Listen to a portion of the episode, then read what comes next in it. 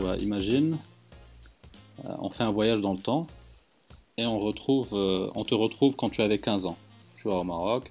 Qu'est-ce que tu te dirais euh, à cette époque-là? Je me dirais de.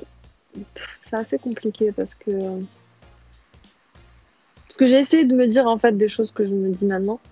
Donc de faire ce que je voulais faire, de vraiment sortir si j'avais envie de sortir, avoir des copains si j'avais envie d'avoir des copains, fumer si j'avais envie de fumer, boire si je voulais boire. Hmm.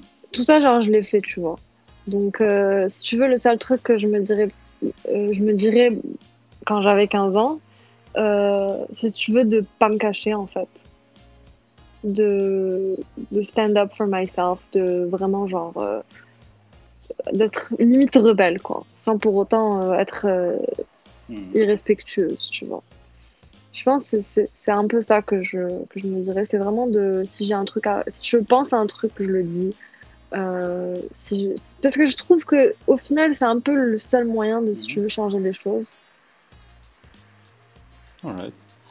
Ah bah écoute, ça fait une heure pile. Alors qu'on était parti sur 30 minutes, c'est pas mal. 30 bah, c'est bien. On a fait 30 minutes marocaines. Il y a plein de choses à dire. Exactement.